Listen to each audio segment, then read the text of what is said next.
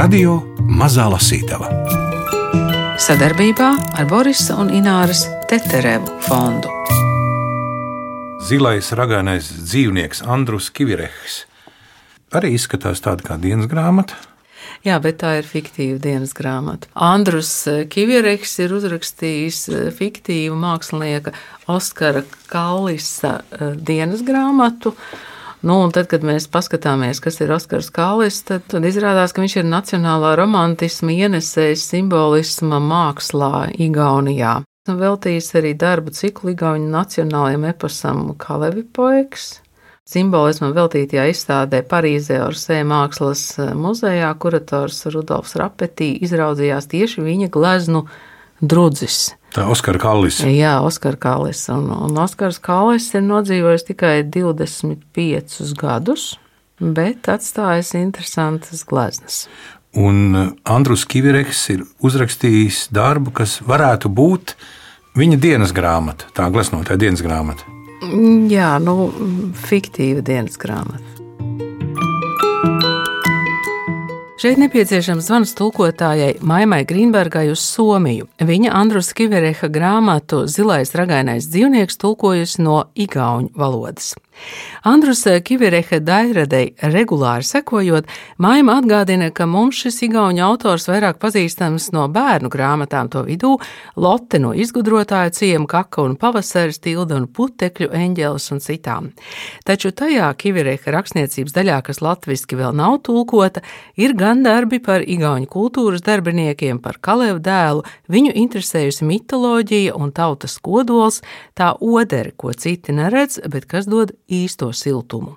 Tātad šoreiz lasītavā Andrusa Kivireha grāmata Zilais ragainais dzīvnieks, Igauņu mākslinieka Oskara Kallisa fiktīvā dienas grāmata. Un jautājums Maimai, kas viņš ir, zilais ragainais dzīvnieks?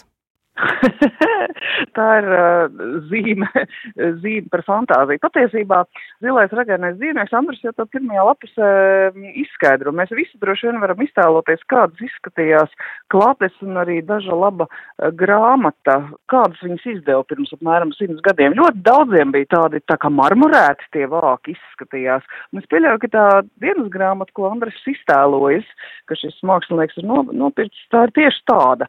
Tāda pirms, nu, tā tad droši vien pirms simt gadiem nopirkta ar marmorētiem vākiem, kur tāds kā dzīsliņas, tad fons ir zils un visas tādas dzīsliņas iet, un, un tā vienkārši māksliniekā ar viņa, ar viņa fantāziju gaisa asociācijas, ka tā ir kāda dzīvnieka āda. Šodien ir svētdiena, un mēs ar skolotāju ar lielo burtu skolotājs rakstīts, devāmies ārpus pilsētas gleznot dabu. Skolotājam dabas gleznošana ir tikpat svarīga kā tautisko tipu zīmēšana. Igauniska ainavā, tā viņš saka. Skaties, Oskar, te ir viena klasiski igauniska ainava. To mēs tūlīt noķersim gleznā. Es labprāt ķēru ainavu, tas skan smieklīgi, ķēru it kā ķertu zīves vai kādu bērnu, kurš sauc noķer mani, un tad tu dzenies viņam pakaļ un kampaciet. Ainavas ķeršana tā nenotiek. Daba taču nesakampsi, tā tev iztecēs starp pirkstiem. Un arī zīvju ķeršanai ainavas ķeršana nepavisam nelīdzinās, ja nu vienīgi tik daudz, ka tāpat labu laiku jāsēž uz vietas un jāgaida vai kodīsies. Zīvis kožas, ainava ne jo zivs ir badīga un piepeld no rīta tārpiņa, bet ainavai neko nevajag. Ainavai vēders nav tukšs, tu to vari vīlināt, kā tik vēlies. Ainavai pret tevi tik un tā viens pīpis. Varbūt visvairāk ainavas ķeršana līdzinās taureņu ķeršanai. Tā ir ziņā, ka tad, kad viss ir gatavs, kad ainava ir noķerta, tad tev tā ir uz audekla un ierāmēta skaista un nekustīga, tieši tāda pati kā uz adatas uzdurts taurenis. Tikai ar to starpību, ka tas taurenis, kas reiz notverts tīkliņā, vairs nekad nepacelsies spārnos, viņš tagad ir beigts, tikai skaists līķis, uz ko raudzīties, bet ainavai nekas nekaiš. Tai arī pēc notvēršanas nav ne silts, ne augsts par tevi. Ainava joprojām un vienmēr mainās Vējā kustas koku lapas, pāri ceļam pāriet govju bars, debesīs peld mākoņi, reizēm līst, reizēm sniega. Reizēm virs meža parādās mēnesis, un reizēm tālumā redzama varavīksne. Tā ainava, kas tev uz audekla, ne par matu nepadara trūcīgāku īsto ainavu. Gluži tāpat, ja tu paņemtu no jūras līdzi lāsi ūdens. Ņem vesels, ņem vēl simt lāses. Tieši tāpat tu vari ainavu kaut simt reizes noķert bildē, ainava neko neievēro. Tāpēc man arī patīk ķert ainavu, nevis taureņus. Es vienkārši nespēju nedz saprast, nedz ieredzēt cilvēku, kas dara tādu briesmu darbu. Kā tu vari būt tik neģēlīgs, ka ieraudzījis neizsakāmi skaistu kukaini, tūlīt gribi to iznīcināt? Un paši vēl runā, ka taureņus mīlot. Kāpēc tad tu nogalini to, ko mīli? Vai arī katrai glītai jaunkundzei, kas tev pa ielu nāk pretī un laipni smaida, tu arī uzreiz apgriez kaklu? Es ar vienu domāju, ka būtu gan jauki, ja tiem tauriņiem būtu kāds pārdabiski stiprs aizstāvis, tāds taureņu karalis, kas uzrodas, ko līdz kāds negāns cilvēks viņa tautai atkal grib darīt pāri. Atliktu tikai tādam cietsirdīgam neradījumam ar savu tauriņu ķeramo tīklu parādīties, lai ķertu skaisto radībiņu, un karalis uzreiz nāktu lejā no debesīm. Viņš būtu liels kā kalns, No rumpja ārā varētu augt desmit milzīgas rokas, un mutē viņam būtu gari zobi. Taureņu ķērējs mēģina laisties lapās, bet viena no desmit rokām viņa tomēr satver aiz zābaka, paceļ gaisā un iebāž mutē. Taureņu karalis slikto cilvēku apēstu, un tā viņam arī vajadzētu. Es labprāt uzzīmētu bildi, kā nekrietneļa stilbi vēl rēgojas ārā no milzeņa mutes, un tad izliktu to bildi izstādē, lai visi taureņu slepkavnieki to redz un drab. Gan es vēl paspēju to bildi uzzīmēt, man laika pietiek. Šodien man vajadzēja uz papīra noķert kārtējo ainavu. Ainava tiešām bija skaista. Pļava un tālumā tumšs mežs. Nu, pats par sevi, protams, nekas īpašs, bet skolotājs vienmēr saka, ka tieši tas arī ir svarīgi - gleznot parastas igauniskas ainavas, noķert tās bildē. Nav nekādas vajadzības, ka mākslinieki zīmētu kā izvirst vezuvs. Igauņu mākslinieka lieta ir nodarboties ar klasiski igauniskajām ainavām un tautiskiem tipiem. Es esmu ar mieru, kaut gan būtu jauki zīmēt arī vezuva izvirdumu. Protams, Vēzuvs ir Itālijā, un, ja tas piepeši sāktu izvirst, es nemaz tur nepaspētu nonākt īstajā laikā. Itālijas māksliniekiem bilde būtu gatava jau tad, kad es vēl uz vilcienu nebūtu aizgājis. Bet, ja izvirst sāktu, piemēram, munameģis, to nu gan es varētu zīmēt, jo munameģis ir Igaunijas kalns, un tā tad klasiski igauniska ainava. Oi, izverdošu munameģi, nu dien būtu jauki zīmēt. Uguns versme kāptu līdz debesīm tā, ka pat mākoņi būtu asins sarkani. Bildē būtu arī igauņu zemes aitas un govis, kas bez baiļu kraukšķina zāli savās ikdienišķajās ganībās. Tās izbrīnā noskatītos, kas gan noticis ar viņu veco mīļo munameģi, kad tas laiž gaisā uguni un tvaikus un arī viens ganu zēns starp aidām noskatītos šajā debesu brīnumā. Tam ganam es uzzīmētu pats savu seju. Tas nu tad būtu tā teikt eh, pašportrets. Tur var izdoties viena neizsakāmi skaista bilde, kad es to reiz uzgleznošu. Gunārs Aboliņš lasa fragmentus no Andrusa Kivereha grāmatas Zilais ragainais dzīvnieks. Telefona sarunā no Somijas mums ik pa brīdim pievienojas tulkotāja Maima Grīnberga. Es klausījos eh, vienu, vienu Andrus interviju, kad tā grāmata bija iznākusi. Tad faktiski viņš teica, ka tas pirmais impulss ir bijušas tieši kaulisa gleznas, kurās ir, eh, viņam ir apmēram kāds 40 gleznas, pasteļī, arī vēl, vēl citās tehnikās. Veidoti darbi, kur ir šie kalevdēla motīvi. cik man zināms, tie nekad nav izmantot ilustrācijām, un arī tie nav veidoti kā ilustrācijas, tā kā grāmatai. Bet viņu, viņu šī tēma ir kaut kādā brīdī interesējusi, tieši tāpat kā viņš ir uh, bijis tāds mākslinieku grupas Vikerla biedrs, un viņš nav bijis vienīgais šajā grupā, kur ir interesējusi Kaleva dēla pasaule. Nu, lūk, un tad Andrus vienkārši atstērās tātad no šīm viņa gleznām, un, nu, tam māksliniekam, kurš jauns 25 gadu vecumā aizgāja bojā no diloņa, nu, kur ta, kur ta vēl labāku biogrāfiju, ko, ko izmantot romānam. Tā kā, bet gleznas noteikti bija pirmās. Biogrāfija nāca pēc tam. Bet par ko viņi runāja? Tēvocis Vollī bija ieradies pilsētā, lai nopirktu jaunus zābakus, un vajadzēja iegriezties arī dzelzslietu veikalā. Tas tika apspriests gari un plaši. Pēc tam saruna pievērsās kādai Vihtlu māmuļai, esot bijusi slima, bet paldies Dievam atveseļojusies. Pēc tam tika runāts par Sāriku Juhanu. Tam viss esot pa vecam. Māte stāstīja arī savus jaunumus, taču tos es jau sen biju dzirdējis. Man tur nekā interesanta nebija, ikdienišķas lietas vien. Toties tēvocis Vollī pieklājīgi noklausījās. Reizēm man jādomā, ka cilvēki ir apraduši ar savu garlaicīgo dzīvi un tikai tāpēc spēj būt tik pacietīgi. Viņi nemaz neprot gribēt ko labāku. Bet, ja nu tēvocis Volī būtu ieradies un teicis, ka uz pilsētu atbraucis tādēļ, lai nopirktu sev lielu gaisa balonu, ar ko var aplidot apkārt visai pasaulē, ka viņam ir apnicis viss sienas un visi kartupeļi, un viņš grib pārlidot pāri Ziemeļpolam, redzēt leduslāčus un valzīvis, un pēc tam būtu izstāstījis, ka vihtlu māmuļu guļot pārvērtās par lāci, vakarā, kad gāja gulēt, Vēl bija veca sieva, bet rītā no sega apakšas izlīda īsts ķepainis ar naktskraklu mugurā. Niknas nav, tikai saimnieces darbus vairs nevīžo veikt.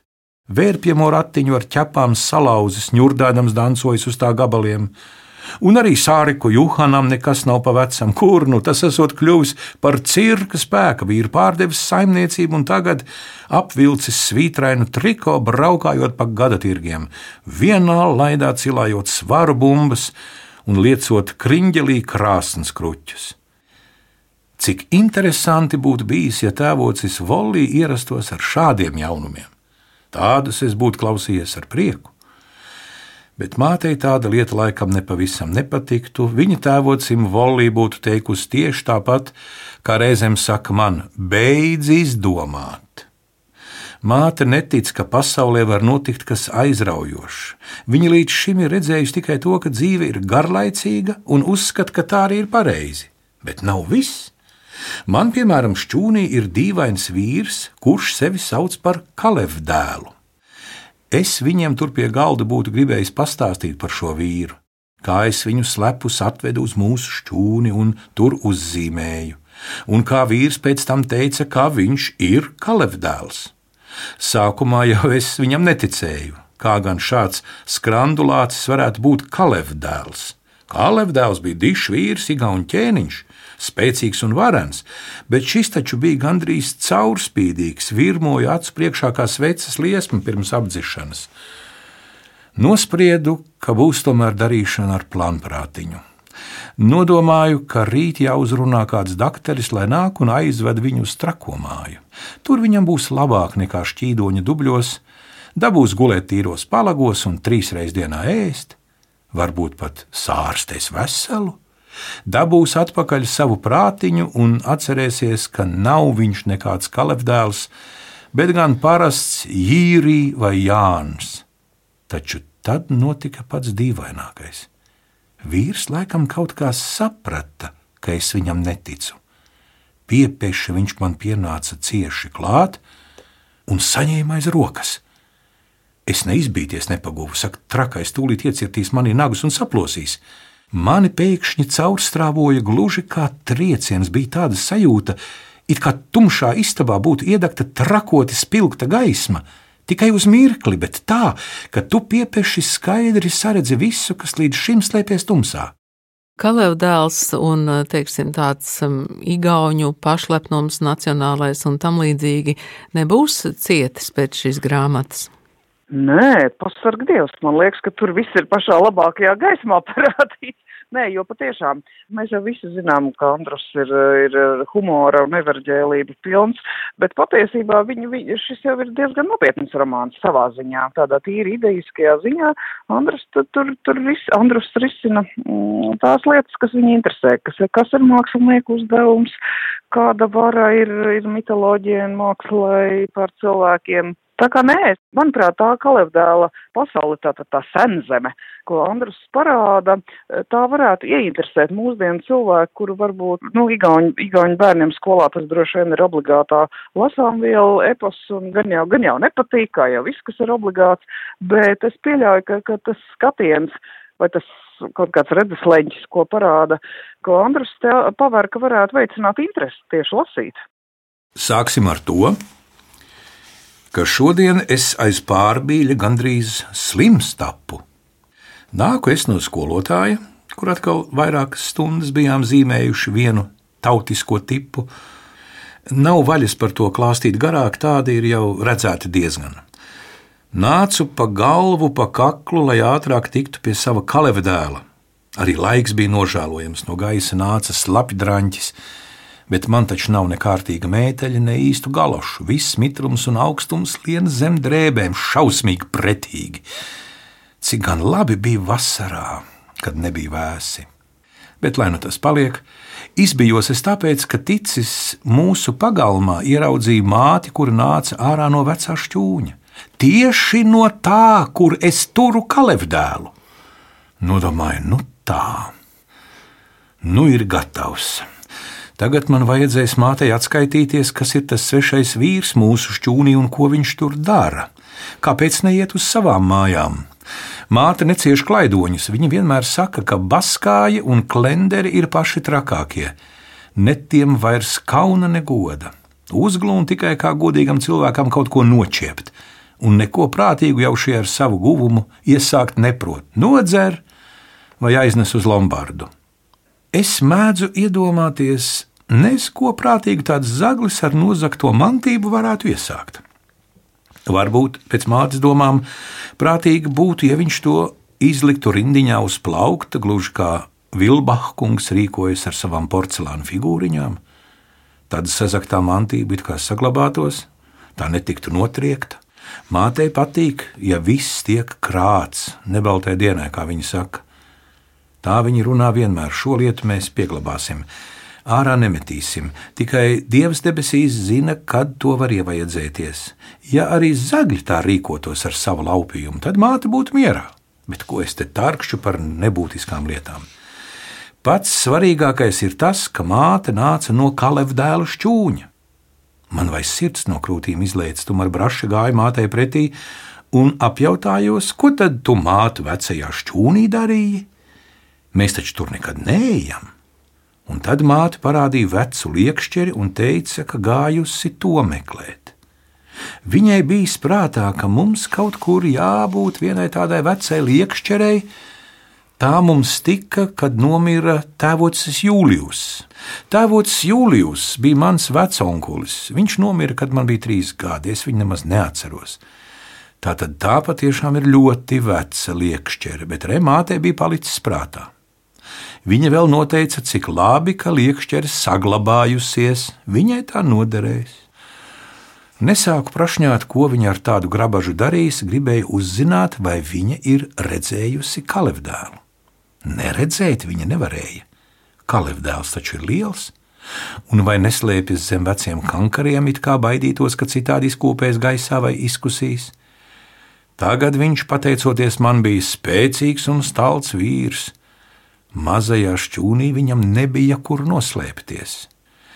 Tā nu piesardzīgi prašņāju, kas vēl ir tai vecajā šķūnī. Pats pārbīlīgi gaidīju atbildi, bet māte tikai noteica, ka visādas mantas no ādama laikiem. Viņai pašlaik nav bijis vaļas izpētīt tās tuvāk, bet kādu dienu viņa pie šī darba ķersies. Pajautāju, vai es arī varētu ieiet paskatīties, dikti interesanti taču. Slepus jau es vairs šķūnī ielavīties nevarēju. Māte stāvēja tepat, un man vajadzēja izgudrot kādu iemeslu. Māte atbildēja, lai ejot vien, bet lai ilgi nevandoties, drīz būs jāēd. Tā nu es skubīgi metos iekšā pa šķūņu durvīm. Un nu dien, Kaleva dēla nekur nebija. Es biju pilnīgā izmisumā. Vai viņš patiešām ir devies prom? Nu jā, vienam pašam aug dienu dirnot vecajā šķūnī viņam kļuva garlaicīgi. Man taču vajadzēja pelnīt dienascho maizi sasodītajā jūras cietoksnī un pēc tam pie skolotāja zīmēt tautisko tipu, it kā maz būtu bilžu ar tiem lauku večiem. Cik gan dusmīgs es biju uz sevi un visu pasauli, nodomāju, ka tad, ja būtu atnācis uz šķūni naktī, kad man uznāca tā diktā gribēšana, varbūt vēl būtu kalevdēlu saticis un varējis viņam pateikt, lai viņš tās slepus neaizlavās. Jāklausās taču, ko sirds saka, nevis jābaidās, ka durvis nočīkstēs un pamodīsies māte. Lai mostas, es taču galu galā esmu liels vīrs un daru, ko gribu. Man ļoti būtu gribējies zīmēt Kalevu dēlu vēl un aprunāties ar viņu, uzzināt par visādām savādām lietām. Arī pesteļus viņš man vēl nebija parādījis. Ir un ir žēl, ka brīnums, ko piepeši esi ieraudzījis, tev izslīd no rokas. Un tikai tāpēc, ka tev nav laika to turēt. Te jau vai asaras saskrien acīs, iededzu sveci. Ne jau tāpēc, ka cerētu tās gaismā atrast kalevdēlu. Šķūnis taču bija niecīgs, viņam te nebija kur paslēpties. Gan jau viņš vienkārši bija izgājis pa durvīm, jau sen pirms mātes atnākšanas. Tas, ka viņu nesastapa māte, bija vienīgā labā lieta. Viss cits bija ļoti skumji. Svece dega un meta uz šķūņa sienām trīsuļojošas sēnes. Ienāca prātā vakar vakars. Tad arī bija tādas ēnas, kas šūpojās gluži kā lieli koki, un varēja dzirdēt, kā tur brēc putni un lavās pesteļi. Tagad brēcieni vairs nebija dzirdami, un arī pesteļi nečabinājās. Tikai tumšās ēnas viļņojās kā koka galotnes vējā, un no kaut kurienes skanēja suņurējas. Sākumā es par to neko neiztaisīju. Pilsētā ar vienu reizi suņi. Daudzos pagalmos dzīvo pa krancim. Reizēm tie ir ķēdē, bet reizēm skraida apkārt brīvi. Dažs ir īsti nikns, reizēm stāv savā pagalma vārtos un skatās ar tādu ģīmi, ka tūlīt bruks virsū un iekodīs. Man no tādiem lieliem suņiem bail. Par laimi vēl neviens nav iekodis cilvēki varētu drīzāk turēt kaķus. Tie nevainīgiem garām gājējiem nekož. Man, man šķiet ārkārtīgi iespaidīgi tieši nāves apraksts. Lai gan es, protams, esmu smējusies līdzi un, un abrīnojis Andrus fantāziju visu romānu garumā, bet man patiesībā vislabāk patīk tieši tās pēdējās nodaļas, kas, kas viss ir viens liels garš nāves apraksts. Jā, bet nu nevajadzētu iedomāties, ka šī ir Igauņa mākslinieka Oskara Kallis dienas grāmata, kurā ir reāls skolotājs un tā tālāk. Nekādā gadījumā tas gan Facebookā bija, jā, Andris Ogriņš bija ielicis atsauci, kur rakstīja, ka noteikti vajadzētu iepazīties ar mākslinieku biogrāfiju un gleznām tieši otrādi. Nekādā, tas nav obligāti. Tās gleznas, kas ir vajadzīgas, nu, lai saprastu, kas ir bijis tas ķivīraka impuls, tās ir reproducētas, tās var jebkurš romānu lasītājs aplūkot. Savukārt no Kalisa biogrāfijas tur ir patiešām, nu, kādi 4-5 punkti. Tas, ka viņš ir nabadzīgā ģimenē, tas, ka viņš ir mācījies pie Ansa Laikmā, kas ir tātad šis skolotājs, kurš arī, protams, nu, ne, nevajag iedomāties, ka tas ir viņa precīzs attēls šajā romānā. Tas, ka viņš ir saslims ar biloni, izmantojis mākslā kaleva poegu un nomirs jautājumu, patiesībā pieci punkti ir tie, kas patiešām ir no, no Kalisa dzīves. Zilais ragainais dzīvnieks. Autors Andrus Kiverehs no igauņu valodas tulkojusi Maima Grīnberga, izdevuši Latvijas mēdī. Lasīja un sarunājās Gundars Āboliņš un Ingvilda Strautmane.